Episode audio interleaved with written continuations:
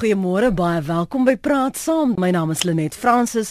Jy's ingeskakel op 100 tot 104 FM wêreldwyd by rsg.co.za en dan ook op DStv kanaal 813. Kodesa het vir Suid-Afrika die raamwerk en die teelaarde geskep om 'n demokratiese samelewing te skep en 'n grondwet in plek te sit wat ons regte en ons demokrasie moet bevorder.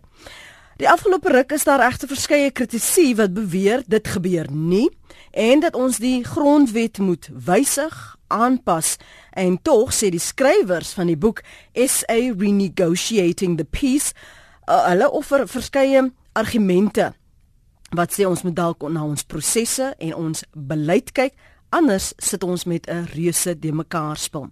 So ons gaan nou in konteks hierdie argumente neem en kyk na die verlede en kyk waarheen ons so op pad en is daar geldigheid vir die bekommernisse oor ons grondwet. Ons gaste vanoggend is een van die skrywers van daardie boek wat ek in die inleiding uh, na verwys het, SA Renegotiating the Peace, as professor Pierre de Toey, hy's emeritus professor by die departement politieke wetenskap by Stellenbosch Universiteit. Goeiemôre professor de Toey. Uh, môre net, môre luisteraars. Ons praat ook vanmôre met Rolf Meyer, hy's oud-minister van grondwetlike sake vir ons demokrasie en hy's tans direkteur van In Transformation Initiative. Baie dankie dat jy by my kon aansluit, Rolf, môre. Môre Lenet, dankie vir die geleentheid. En professor Koos Malan is by die departement publieke reg by die Universiteit van Pretoria. Goeiemôre professor Malan.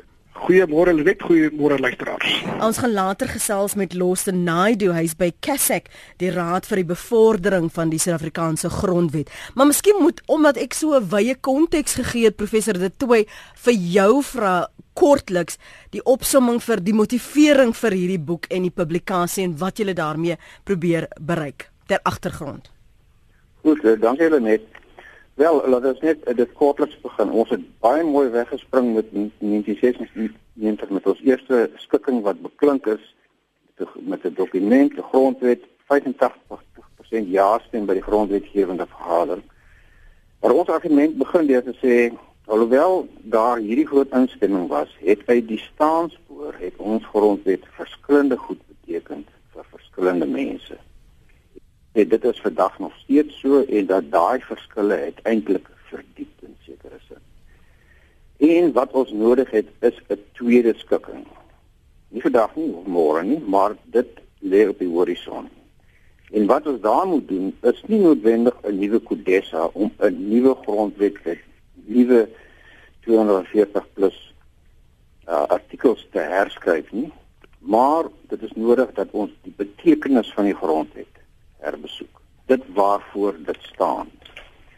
En dan argumenteer ons en die argument volg dan daarna uit natuurlik na uh die omstandighede. Onder watter omstandighede kan mens nou dink dat so 'n tweede stukking se bedingingsproses gaan begin? Mm -hmm.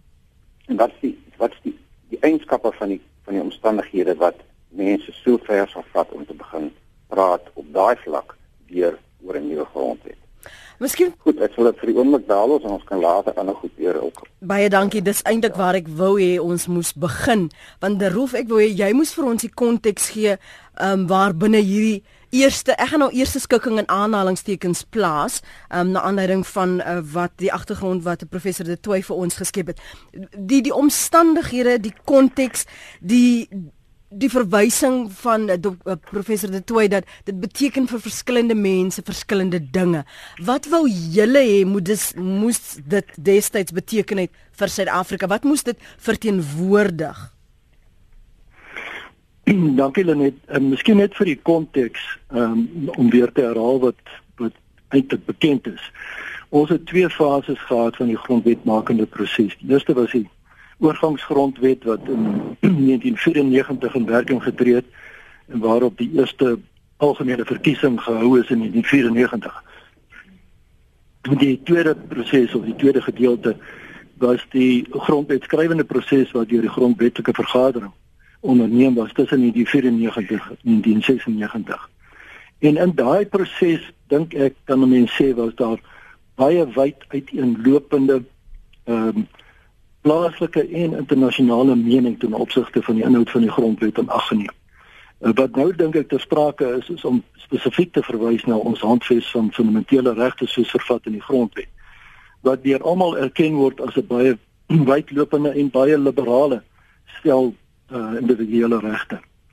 Ek dink as ek met oordeel het ons waarskynlik minder van 'n probleem ten opsigte van die betekenis of die interpretasie daarvan as uh, eerder 'n probleem met die implementering. Hmm. Ehm um, en ek dink dit is waar ons kort geskiet het in die afgelope 20 jaar, die transformasieproses waarmee ek heel hartig saamstem het nie verloop soos wat dit moes nie want uh, ek dink implementering het kort geskied het die implementering het kort geskied by wyse van beleid maar meer spesifiek by uitvoering En uh, ek dink dit is waaroor ons vandag eintlik die gesprek moet voer, nie nou in hierdie gesprek nie, maar mm. ek bedoel in die algemeen in Suid-Afrika, is hoe kan ons die sosiale en ekonomiese regte vervat in die grondwet? Betekenis gee en inhoud gee sodat almal dan by kan baat en meer spesifiek sodat ons die ongelykheidsgaping in die land kan verminder. Mm. Dit dink ek is 'n groot behoefte wat daar bestaan. Ehm um, en uh, daar is baie voorbeelde wat ons nou kan gaan aanhaal en ek sou graag in die gesprek daarna wil terugkom. Ek ek wil terugkom want veral as ons praat oor die eienskappe of dan nou die pad na 'n tweede skikking en sodat dit vir almal dieselfde waarde kan hê. Maar wat moet 'n uh, professor Malan wat moet 'n grondwet beteken? Wat wat moet 'n grondwet vergestalt? Wat is die waarde daarvan? Dit is 'n baie belangrike vraag en ek dink uh, ons uh, antwoord die vraag dikwels verkeerd. 'n uh, Grondwet is in wese uh veronderstel die volgende twee dinge. Eerste plek uh moet 'n grondwet stabiliteit skep deur twee dinge te doen. Eerstens moet 'n grondwet gesag verdeel. En tweedens moet hy voorsiening maak vir regte, individuele regte. Wat met ons grondwetlike diskurs gebeur het, is dat ons feitelik uitsluitlik die klem lê op die individuele regte in plaas daarvan om ook die klem te plaas waar dit in die eerste plek eintlik tuis hoort, naamlik die verdeling van gesag uh wanneer mens na Suid-Afrika kyk, dan werk jy en ek dink mens moet klem lê daarop met uh met uh met 'n uh, fundamenteel uh, heterogene samelewing waar jy 'n uh, uiteenlopende aantal gemeenskappe het wat wel almal Suid-Afrikaners is, maar wat uh, uiteenlopend is betreffende identiteit en wat 'n behoefte het dat dan hulle belange omgesien moet word. Daar kan nou die belange omgesien word nie met uh, met betrekking tot regte nie, maar juis met betrekking tot gesagsverdeling.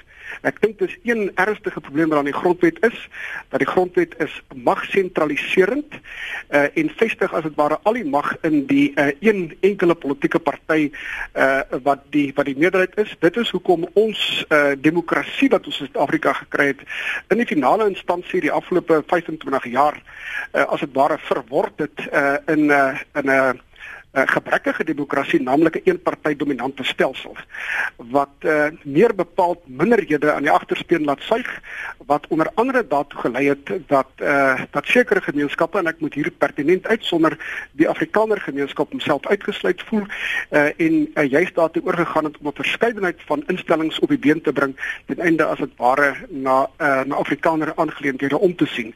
Dis eintlik 'n regstreekse gevolg van uh, van 'n swakheid in die grondwet. Mag ek net die volgende ook noem? Ja.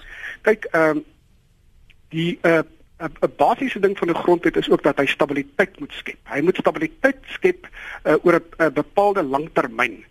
Maar ons het in Suid-Afrika basies twee interpretasies van die grondwet. Die een interpretasie, die een siening, uh, is die siening wat sê wat ek sopas gesê het, naamlik dat dit daai stabiliteit moet meebring en dan het ons 'n ander siening wat kom van die ANC af veral uh, wat die konstitusie sien as 'n transformatiewe dokument. Met ander woorde nie dat hy stabiliteit moet skep nie, mm. maar dat hy juis radikale verandering moet meebring.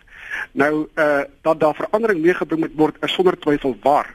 Maar die probleem is dat die interpretasie van wat hierdie verandering behoort te behels, het baie ernstige probleme geskep en ek dink as jy is een van die redes waarom ons op hierdie stadium soos professor De Tooy dit noem na 'n opvolgskikking as dit ware moet kyk omdat die interpretasies en die implementering juis as gevolg van die transformatiewe siening van die grondwet so uiteengeloop het uh dat die aanvanklike uh, betrekkelike konsensus wat daar bestaan het in beduidende mate skibreek gelei het. Maar moes ons nie of moet ons nie aanvaar gegee die omstandighede waarin hierdie onderhandelinge plaasgevind het en dalk wil jy ook daarop reageer roef dat daar uh, 'n uh, geval was van die die die primêre fokus is om um 'n oorlog, 'n burgeroorlog af te weer. So so nou in onderhandeling gee en neem jy en jy gaan nooit uh, miskien wanneer jy terugkyk sal jy kan sê dat dit was die leemtes, maar jy gaan in daardie oomblik nie noodwendig weet dit is die die Jotan titel wat nooit sal verander nie. Dit is hoe die gebooie sal lyk vorentoe. Rolf, dalk wil jy vir ons vir ons luisteraars wat nie vertroud is met die aard van die onderhandelings nie dalk daarop lig werk dat dat ons nou kan sê maar goed dalk moes ons dalk moes ons dit oorweeg het wat die swakhede is wat nou na vore kom. Ehm um, jy sien dit is hoekom ek net uh, aanvanklik verwys na die twee fases wat daar was.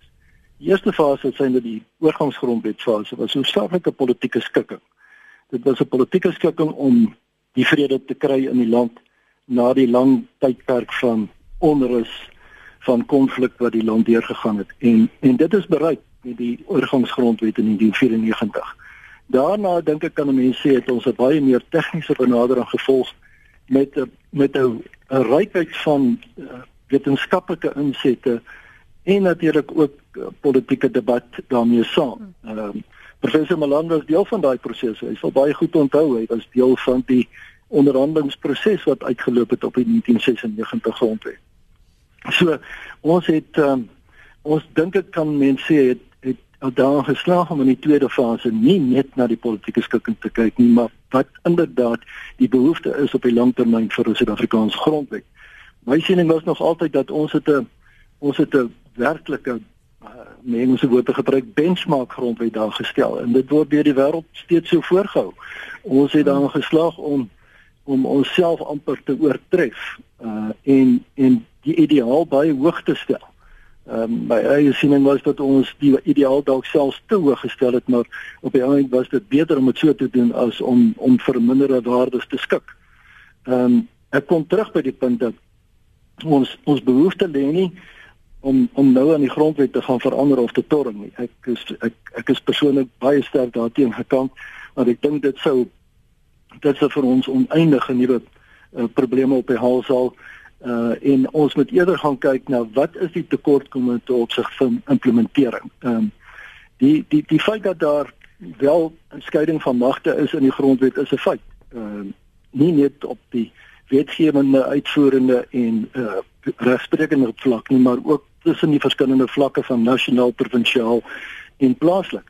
En wat ons verlede jaar gesien het in die plaaslike verkiesings, die uitkoms daarvan, die feit dat drie metros van die regerende party weggeneem is, dink ek is 'n is 'n stawende bewys daarvan dat ons inderdaad in die rigting beweeg van 'n baie sterker ehm uh, praktiserende demokrasie. Hmm. Dit is so dat die ANC aanvanklik vir die eerste uh, dekade of twee baie groot mag gehad het, uh, bewyse van die uh, stembus, maar uh, die prentjie is besig om baie vinnig te verander en en ek dink ons is op pad na 'n baie meer normale situasie. So die die die vraagpunt bly vir my. Jy weet hoe kan ons seker maak dat uh, en ek dink dis die ding wat knaag aan die aan die aan die aan die aan die bestaan van die staat op die oomblik. Hoe kan ons die ongelykheidsgaping doeltreffend aangespreek kry? En 'n voorbeeld wat ek graag in daai verband wil na verwys en dat dit ons terwyls baie geleer het in ons grondwetmakende proses is die Duitse voorbeeld. Uh die Duitsers het aan die begin van die 1990s 'n uh, baie aggressiewe integrasieproses tussen die twee voormalige Duitslande gehad. En dit met groot sukses uitgevoer en ek dink ons moet dit is onmoontlik om dit te herhaal in Suid-Afrika, maar ek dink daar's baie waarde daarin om te gaan kyk na wat die Duitsers gedoen het en hoe hulle steeds daarin slaag om vandag die voorste ekonomie in Europa te wees. En ek dink dit is punte wat tot ons moet spreek en ons moet gaan vir onsself sê as ons hierdie goeders doen is die is die debat rondom wysigings aan die grondwet eintlik irrelevant. Professor De Tooy gaan nou vir jou geleentheid gee om miskien bietjie uit te brei oor die prosesse en die beleid en waarna jy gele gekyk het in hierdie fases wat ons dalk as 'n land weer sal moet oor herbesin. Ek wil net eers hoor wat kon nie op die hart het want Rolf se tyd is beperk en ek wil net hê ons moet die al die argumente op die tafel plaas voordat hy uh, vertrek. Kon nie môre? Môre net jou twee gaste. Ek gaan dit eens met meneer Meyer se opsomming en hy het heelwat uh opmerkings gemaak waarmee ek 100% saamstem. As ons kyk in die verdelings van die verlede waarop 'n samelewing gegrond is op ons demokratiese uh, waardes en die sosiale geregtigheid, dink ek het ons daarin uh, geslaag. Breedweg daarin geslaag en ek dink die grondslag vir die demokratiese en oop samelewing uh, is gevestig. Ek ek kyk na dinge ook soos die lewensgehalte van alle burgers uh na die Verenigde Demokrasie wat ons hier wil vestig as 'n soewereine staat in die gemeenskap dink ek ons slaag daarin as ons dan kyk na die sosiale waardes soos dit dan 'n uh, uitdrukking gegee word met die uh, rol en regte en verantwoordelikheid van ons burgers. Maar waarmee ek 'n groot probleem het is die toepassing van die grondwet. Ek is dit eens met meneer Meyer dat ek dink ons het 'n baie goeie grondwet en ons moet daarin Peter die my probleem lê in die toepassing van die grondwet en dan kom ek spesifiek by verantwoordbaarheid van die uitvoerende gesag. As ons dan kyk en meneer Meyer het dit genoem, maak die grondwet duidelik voorsiening vir die skeiding van magte, wetgewende, uitvoerende en die regtelike gesag. Maar die die verantwoordbaarheid van die uitvoerende gesag en dan verwys ek spesifiek na ons staatspresident wat die grondwet baie baie duidelik geminag het. Uh, waar is die verantwoordbaarheid van die uitvoerende gesag? Hoe word dit uh, kan is dit dit is in die grondwet, maar hoe word dit toegepas? Dit is my vraag. Ek luister na my mooi dag vir julle. So professor, kom ons reageer op wat Connie daar opper, maar ook die julle het hierdie beleid en die prosesse hersien en gekyk waar daar leemtes is. Rolf het gepraat oor implementering, ehm um, beleid en uitvoering. Uh, professor De Tooy het verwys na, ekskuus tog professor Malan het verwys na sekere swakhede dat daar uh, minderhede is wat voel hulle is net uitgesluit van hierdie proses. Ja, dankie Helenet, laat ek maar gou-gou die eerste tema vat wat omtrent almal genoem het en dit is die kwessie van implementering. Nou wat ons doen in ons boek is om te wys dat ons kan dag en nag praat oor implementering, maar as mens nou regtig die die ding wil deurvat, dan gaan jy sien dat jy telkens gaan begin terugredeneer na beginsels toe en na die interpretasie van beginsels. Kyk maar nou, wat nou maar geweldsmisdaad Dit is seker een van ons grootste probleme in al sy gruwelike fasette. En die uitvoerende gesag en implementering van beleid om dit te bekamp lê in eerste plek sê maar by die polisie en dan so deur na die howe en en die res van daardie uh, deel van die uitvoerende gesag. Nou vat maar hierdie in hierdie naweek een van die berigte oor die die probleme van uh politieke sluitmoorde in Natal. Nou daar word stuk vir stuk uitgesit van watter probleme die polisie het. Van faksies wat daar is, van probleme van nepotisme, politieke inmenging, onbekwaamheid, kaderontplooiing. Nou as jy kom by kaderontplooiing, dan gaan jy terug na die wet op regstellende aksie nommer 55 van 98 soos gewysig. En uiteindelik artikel 195 van die grondwet. Maar die vraag is verteenwoordigheid in die staatsdiens met die oog waarop? Dis die vraag. Jy gaan nie daai vraag beantwoord deur die teks van die grondwet te lees nie. Dit is 'n politieke vraag wat beantwoord word. En die verdelingslyne daaroor is geweldig diep. Wat ek nou wat ek maar net vir 'n voorbeeld vat so vars as wat ek kan kry. 1 Mei 2017 noem sy se verklaring. En dit daar hieraan. We demand that the time has come to amend or to repeal the Constitution to end white economic and social domination. Einde van die aanhaling.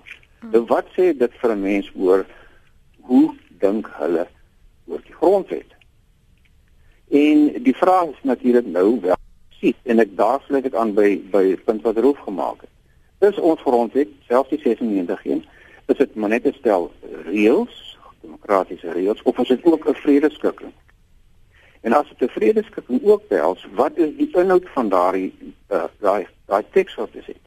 Is dit 'n ruiltransaksie tussen partye wat by die tafel 'n kompromis getrek het? In ander woorde, wat ek gewen het en wat ek toegegee het en wat die ander ouens gewen het en wat hulle toegegee het en dat dit so opgelei word en dat ons nou sit met 'n kontrak wat doodeenvoudig nou in stand gehou word sodat die destydse ruiltransaksie gehandhaaf kan word. Of is dit dalk 'n sosiale kontrak wat bedoel was om reëls te skep om toekomstige onvoorsiene probleme ook te hanteer? Hmm.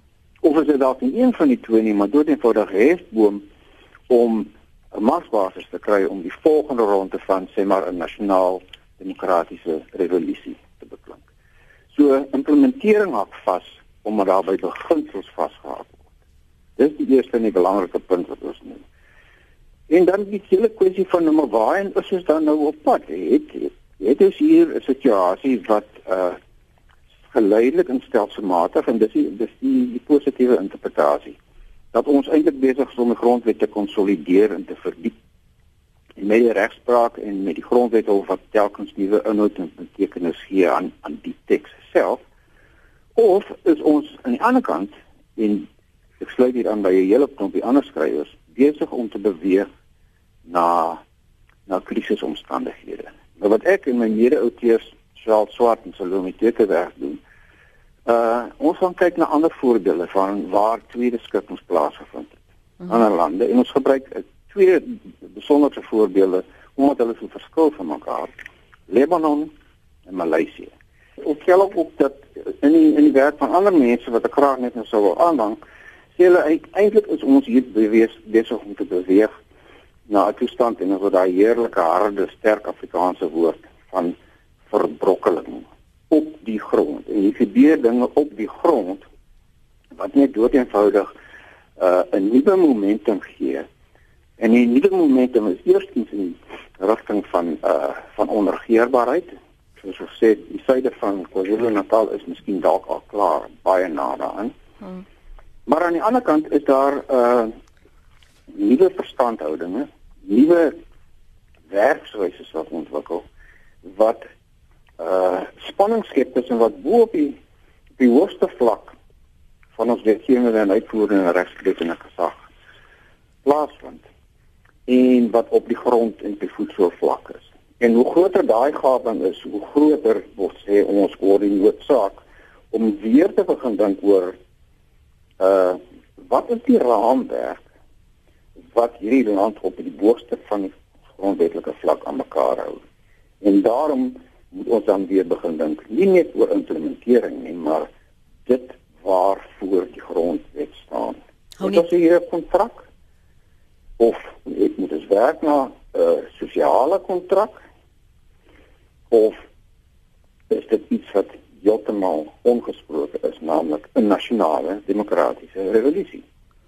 En, en, nou, Hou net so vas. Dit nou die verder ja. en ek sou graag ook van ons luisteraars verhoor wat dink hulle oor die gedagte van dat ons op die grond hierso dinge besig is om te gebeur wat uh heeltemal 'n nuwe dinamika van onder af begin opbou. Ehm um, ja, ek, ek is seker die luisteraars gaan in elk geval reageer na aanleiding van wat julle almal sê vanoggend. Rolf, jou tyd is beperk en en ek wil hê jy moet saamvat, ehm um, want jy het gesê dalk moet ons begine kyk die na die die die betekenis dat ons dit moet ehm um, herbesoek en dat dis half moeilik om om te onderhandel as daar nog steeds hierdie ongelykhede is, want almal gaan iets anders verlang gegee word die tyd om wat hulle behoeftes is of wat hulle voel. Hulle het nie die laaste keer gekry nie. Miskien wil jy opsom. Ek dink dit is presies die probleem net as ek uh, my oordeel daaroor kan gee. Ehm um, die die die die verdere vooruit voortspruitende probleem is dat jy weet ons het in in die tyd wat ons die onderhandelinge gedoen het en wat die grondwet tot stand gekom het, was daar 'n baie sterk sentrum in Suid-Afrika. Mens kan waarskynlik sê dit was gelei deur die leiers spesifiek president Mandela en president de Klerk en wat eh, wat daarop uitgeloop het dat daar 'n sterk sentrum was in die land wat wat verenig geraak het rondom die noodsaak en die behoefte om 'n demokratiese bestel daar te stel. Uh deesdae en ek is bevrees veral in die laaste paar jaar het daai sentrum heeltemal uitmekaar gespat. Uh ons het nie sterk leierskap nie, ons het nie 'n verenigde uh behoefte om by mekaar te staan nie. Die die hele kwessie van nasiebou ingenieur uh is onder groot druk uh omdat omdat die sentrum uh, uitmekaar gespat het. Die die stukke lê letterlik oor die aarde versprei, as jy mens dit so kan stel. En ek dink dit is dis een van die goed en ek sou ten dele daarmee professor De Tooy saamstem en ek sou graag met hom verder in gesprek wil tree. Uh om te kyk hoe kan ons saamwerk om daardie verenigde front weer te herstel en stellig dan 'n bydrae te maak tot die tot die waardes en die beginsels wat onderliggend is waarna hy verwys. Ehm uh, Maar 'n ander saak wat ek graag daaroor sit oor gesprek is, is die noodsaak om te kyk na ons stemregstelsel. Ehm uh, kon nie die regte punt gemaak ten opsigte van die verantwoordbaarheid Uh en verantwoordbaarheid skiet kort op die oomblik deel van gevolg van die feit dat ons 'n partytelsel het wat dan aan die begin 'n noodsaaklikheid was. Ons het nie keuse gehad as om die proporsionele stemregstelsel te aanvaar toe ons begin het nie. Ehm um, maar die tyd het aangestap en ek dink die behoefte het ook aangestap. En daarom moet ons waarskynlik kyk eerder na 'n meer verteenwoordigende stemregstelsel waar deur kiesers ehm um, hulle kandidaate van keuse kan verkies en nie noodwendig net na die party kyk wat hulle keuse is nie. Hmm. So ek dink daar's 'n groot behoefte en 'n noodsaaklikheid daar om op 'n dringende basis te kyk na die stemregstelsel. Dis weliswaar 'n ander deel van die debat, maar ek dink dit kan nie uitgelaat word in ons totale beoordeling van waar ons nou is. Roef, ons gaan dit eers daar laat vir die oomblik baie dankie vir jou beskikbaarheid, waardeer dit. Uit uh, Roef Meyer, oud-minister van grondwetlike sake vir ons demokrasie en standsdirekteur van In Transformation Initiative en hy het laat gisteraan vir my gesê hy is terug van uh, sy reis en hy kan wel 'n paar minute aan ons afstaan en ons waardeer dit. Ons ander gaste vanoggend is professor P de Tooi en dan ook professor Koos Malan. En ek wil vir jou nou geleentheid gee professor Malan om uh, saam te praat en te reageer op uh, die die scenario's wat geskets is en en die miskien die onderliggende spanning nê wat ons soms nie by name noem nie en soms ja. tog wel aan die groot klok hang. Ja, ek kyk uh die groot probleem uh, wat ek identifiseer Ja, is? Uh, is dat ehm uh ons is uh, geneig om as dit ware met die grondwet as 'n soort van 'n fetish om te gaan. Jy weet as byna bykans as 'n heilige soort van ding. Uh asof dit noodwendig in 'n in 'n oomblik in 'n wonderlike oomblik ons as dit ware alles reg gedoen het. Dit is hoegenaamd nie waar nie. Uh net nou die dag het die vorige adjunk hoofregter uh, Moseneke uitgewys dat daar in die grondwet 'n klomp strukturele foute is in die sin dat heeltemal te veel gesag toegeken word aan die staatshoof. Daai ding moet ons in die gesig staar. Dit is iets wat noodwendig by wyse van 'n wysiging uh ehm um, reggestel moet word. Tweedens wil ek sê ek ek wil professor De Tooy gelukwens met die boek wat hulle hier uh, gepubliseer het want uh, ek dink wat dit juis uitwys is dat daar 'n klomp uh, probleme in die politiek en in die ekonomie ontstaan het uh, wat die grondwet doeteenvoudig nie in staat is as dit waarom te kan hanteer nie omdat daar nie die nodige uh, eensstemmigheid bestaan uh, oor wat met die grondwet beoog word nie. En dit is te wyte daaraan dat ehm um, dat ons uh eintlik die afgelope tyd soetjies soetjies uh baie ingrypende veranderings van die konstitusie beleef het. Nou ek wil net hier die volgende sê. Mhm. Jy het aan die een kant die grondwetlike teks, dit wat in woorde staan in die grondwet.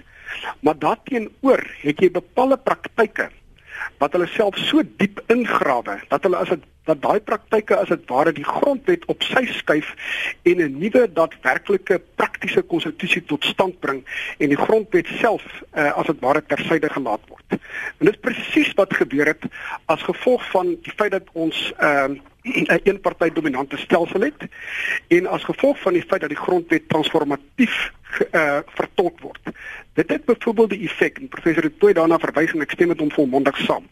Dit het byvoorbeeld die effek dat iets soos kaderontplooiing, met ander woorde die ontplooiing deur die ANC van sy eie mense in alle gedeeltes van die samelewing.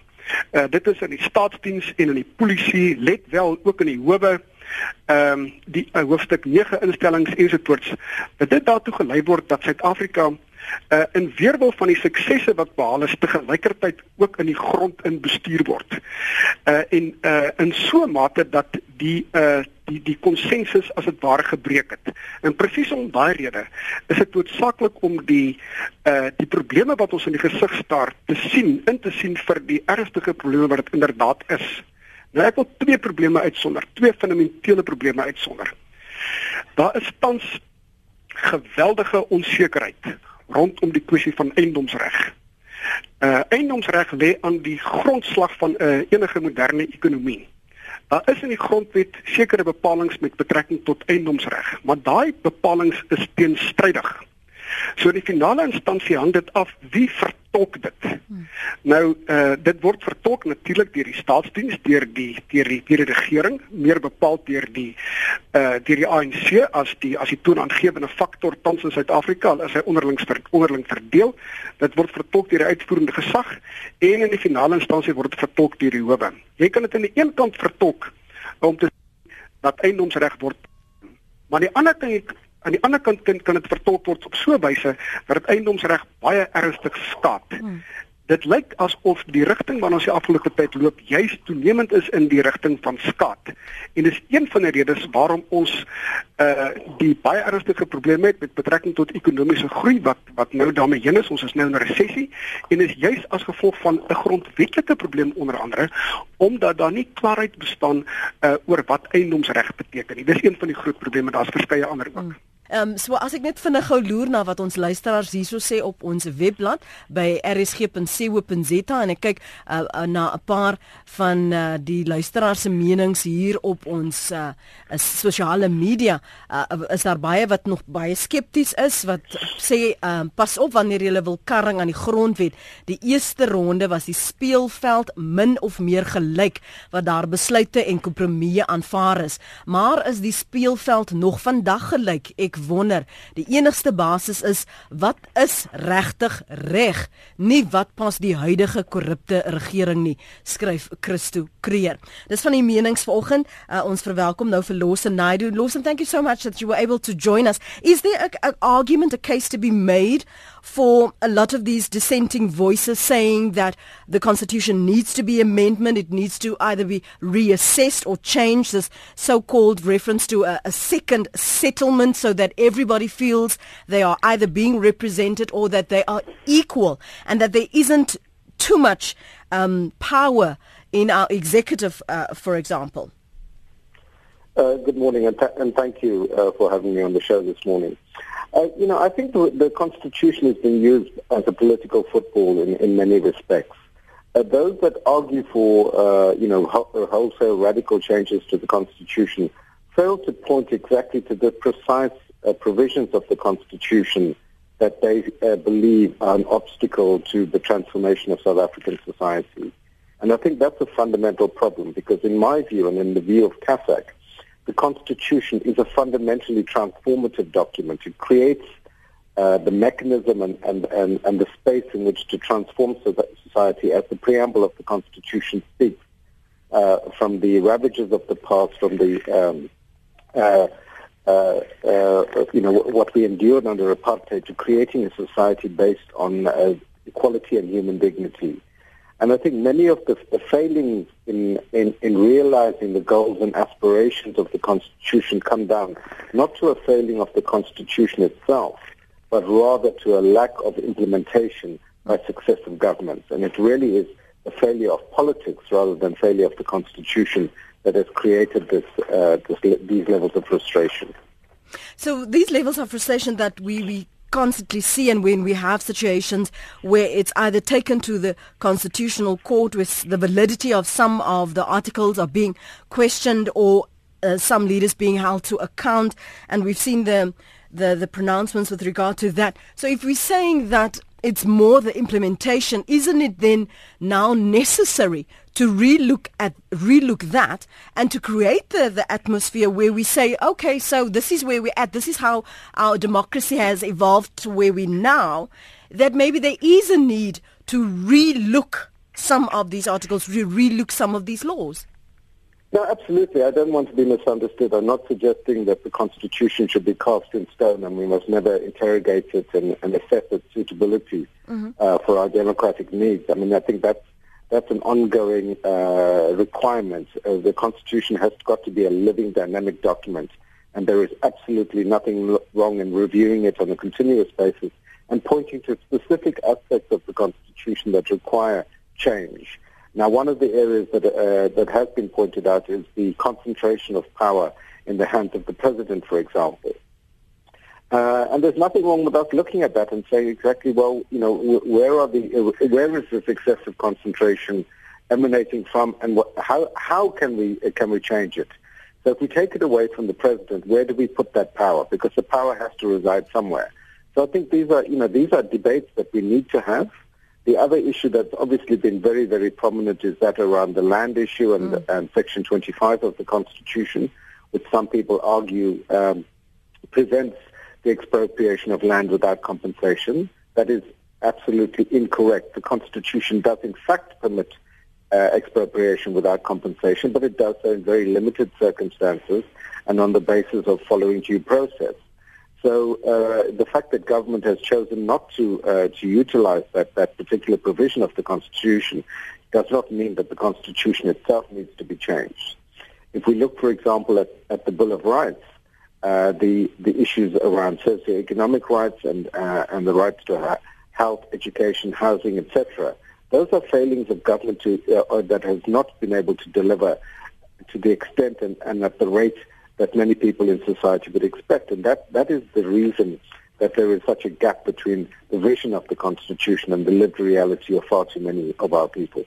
So how, how do we interrogate what we have now and engage with it and who do we listen to? What what needs to preempt this? Do we wait for another court case? Do we wait until the politicians uh, that there's a, a changeover in a sense? What do we what are we waiting for if we are already seeing that there is a need to readdress? And before we get to a, a national crisis, like uh, Professor um, uh, said earlier this morning. Well, I think what we need to do is to is to articulate exactly what, what the challenges in, in society are. Let, let let's start there and to say what are these most significant challenges that we face in, in South Africa? Uh, from an economic perspective, the lack of growth.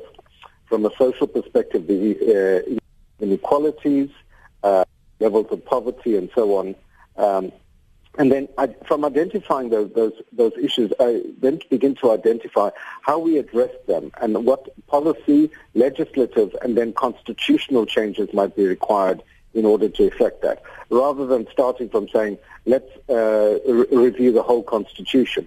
Uh, why do we want to do that? Let, us understand exactly where we're coming from.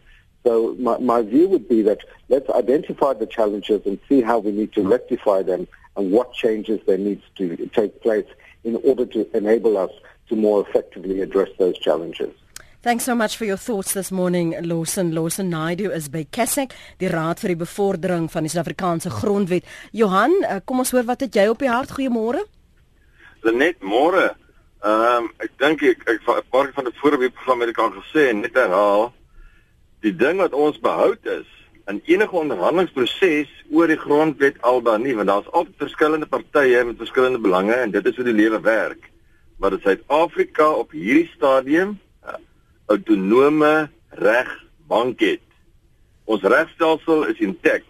Uh, praat van vergeet van die NPA, dis 'n ander gesprek. Mm. Die regters, dit is ingestel onkreekbaar.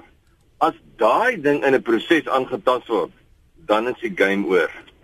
Ons kan dankbaar wees daarvoor dink dit sal gebeur nie. Die res van die gesprekke geskied. Dis altyd gesprekke tussen mense wat het en nie wil hê nie. Wie's reg, wie's verkeerd? Daaroor gaan mense eeue lank stry. As die regbank, as die regbank in die slag bly, dan is die game oor. Ons het dit. Dink dit sal gebeur nie en daarvoor kan ons dankbaar wees. Dankie. Mm. Dankie Johan. So as ons praat dan van 'n van 'n tweede skikking of ons kyk na die eienskappe of die omgewing dan professor De Tooy is, uh, hoe hoe lei 'n mens dit in as 'n mens so daarna wil kyk? Ehm um, of soos Lawson gesê het, dit vra nie vir die hele omdolwe van van die grondwet nie dat daar wel gesond is om na sekere aspekte te kyk. Ja, uh, net baie dankie.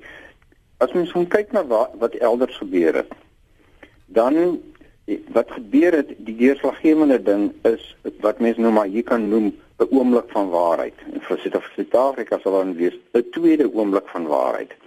Wanneer die belangrikste belanghebbers besef dat al hulle gevestigde ideologiese op, opvattinge verkrummel.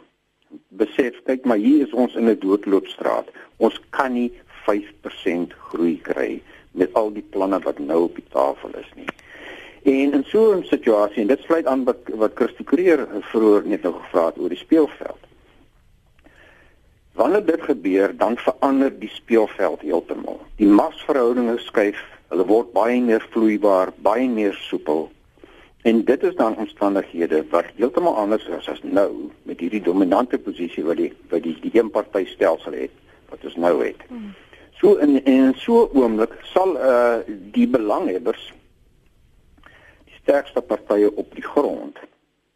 Hulle sal dan soos ons dit sien en dis hoe dit ook elders gebeur het, die inisiatief neem op grond van die krisisse op die grond soos dit daar realiseer. En daar's 'n verskeie klomp moontlikhede natuurlik van 'n kombinasie van verskillende goed ja. wat ons tot daai punt kan neem eksterne skokke sê maar ons kry sê maar ons kry 50% inflasie of 100 150% inflasie skielik of sê maar ons moet 50 rand betaal vir 'n dollar mm. waar gaan die samelewing dan sit dit dan loop ons ons vinnig baie vinnig teen 'n muur vas ek herinner my aan verlede maandag se gesprek wat jy gehad het met jou uh, met jou deelnemers oor uh scenario's van hoe dit in Desember uh, mm. by die ANC se konferensie kan uitloop. Dit kan vinnig uitswaai na so 'n oomblik van waarheid. En dit is dan omstandighede wat gunstig is om uh en ek stem saam, nie noodwendig die grondwet van vooraf te herbedink nie, maar om dit wat dit voor staan mm. weer te bedink.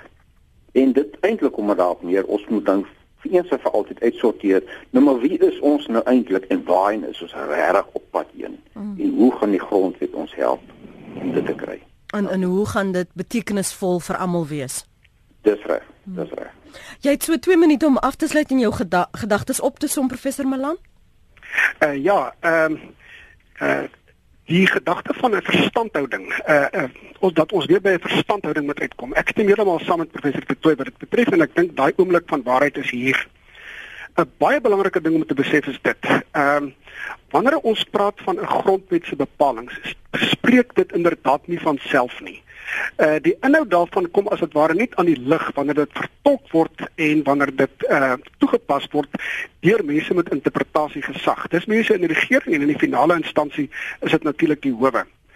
Die probleem uh met die Suid-Afrikaanse grondwet uh met 'n klomp van sy bepalinge meer bepaald met die met die uh handves van regte ook is dat dit is dat dit vatbaar is vir uiteenlopende vertolkings. Hmm. En is presies daardie vatbaarheid vir uiteenlopende vertolkings wat dit onder andere vatbaar maak vir 'n vertolking wat eintlik bestaande belange, eiendomsreg uh, kulturele uh, aansprake ensovoorts ernstig in die wielery en wat onder andere daartoe gelei het uh, dat Suid-Afrika op hierdie stadium 'n ekonomiese krisis in die gesig staar. Dis eintlik dis inderwaarheid regstreeks te wyte uh, aan die feit dat daar 'n grondwetlike probleem is en soos wat ek vir professor De Tooy lees is dat daaroor daar 'n noodsaak voor daar 'n noodsaak bestaan is dat uh, is dat die belangrikste politieke rolspelers as dit ware 'n verstandhouding moet bereik oor wat beteken daardie dinge. Met ander woorde dat die reg as sodanig nie genoegsame grondslag bied uh, om die probleem op te los nie, maar dat daar weer 'n politieke skikking moet kom sodat ons ten minste moet verstaan wat bedoel ons by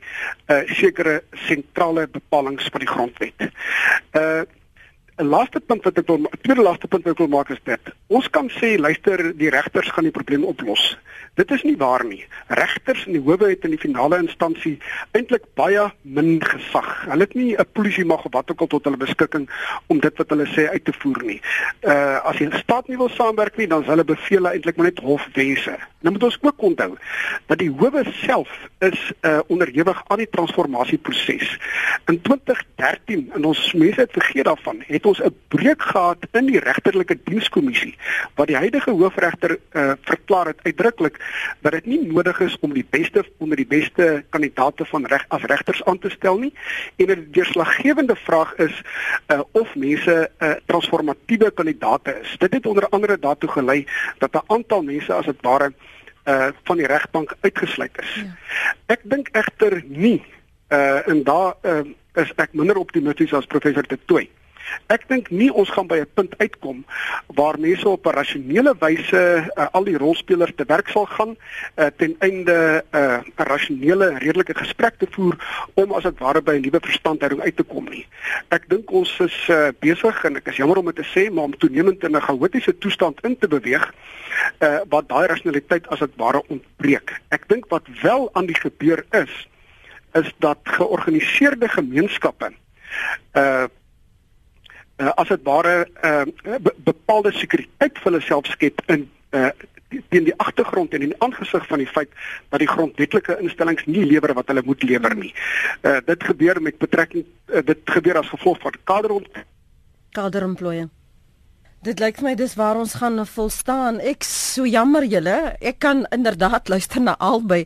Ehm um, dankie vir die tyd vanoggend professor P de Toey, uh, emeritus professor by die departement politieke wetenskap Stellenbosch Universiteit en uh, professor Koos Malan, departement publieke reg by Universiteit Pretoria. Ek dink professor Malan wou sê die rede waarom gemeenskap hulle beginne mobiliseer en en en uh, hulle eie uh, sekuriteit byvoorbeeld in hulle hande neem is omdat die bestaande instansies wat veronderstel is om daardie veiligheid, die beskerming van waardes, die regte en so aan te moet verskaf, hulle faal. En dat ons al hoe meer 'n beweging sien as jy kyk byvoorbeeld na nie regeringsorganisasies, uh, sommige uh, artikel 9 organisasies en dat in daardie rigting uh, beweeg dat omdat daar so 'n leemte bestaan dat dit al hoe meer gebeur.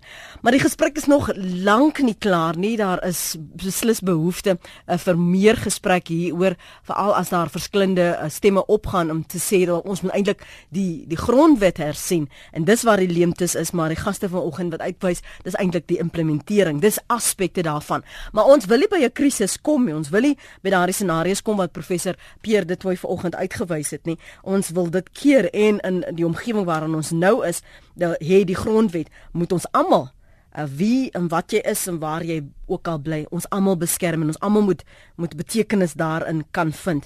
So hierdie was net 'n prikkeling vir ehm um, die gesprek en die groter gesprek natuurlik, ehm um, na aanleiding van die boek van professor P de Tooy wat daar op Stellenbosch verskyn het.